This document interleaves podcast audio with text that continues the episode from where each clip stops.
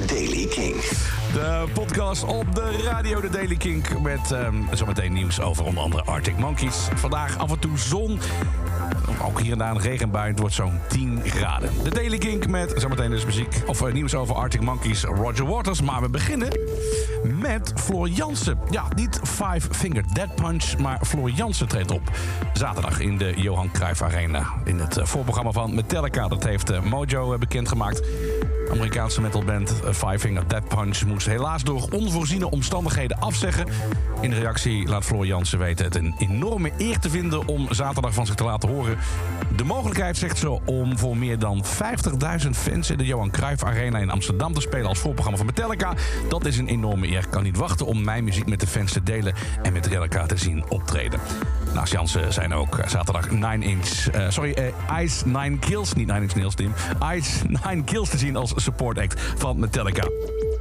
Arctic Monkeys die zijn hun eh, Europese tournee The Car knallend begonnen. Waarbij ze een favoriet nummer van de fans voor het eerst live speelden... en verschillende nummers voor het eerst in jaren live uitvoerden.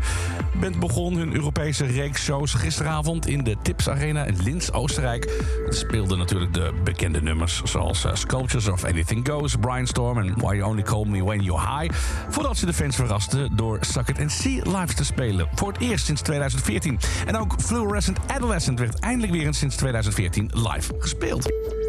En het optreden van Roger Waters in Frankfurt mag dan toch doorgaan. De gemeente Frankfurt besloot, eh, besloot eerder dit jaar het concert van de Pink Floyd-icoon te annuleren... omdat hij volgens het stadsbestuur antisemitische uitspraken had gedaan.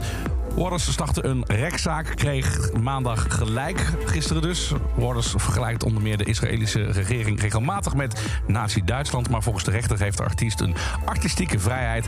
en ook zijn er geen aanwijzingen dat er tijdens het optreden strafbare feiten worden gepleegd... zoals het gebruik van propagandamateriaal. De reden dat Frankfurt het optreden van Waters wilde annuleren... had onder, onder meer te maken met de locatie. De festhalle Frankfurt heeft een beladen geschiedenis. In 1938 werden er namelijk duizenden Joodse mannen vastgehouden... mishandeld om ze daarna te deporteren. En tot zover de Daily Kink van vandaag. Voor het laatste muzieknieuws check je kink.nl of je abonneert je op deze podcast. Of luister gewoon vanaf 7 uur naar Kink in Touch met Jasper Leidens. Voor laatste muzieknieuws en de laatste releases. Elke dag het laatste muzieknieuws en de belangrijkste releases in de Daily Kink. Check hem op kink.nl of vraag om Daily Kink aan je smart speaker.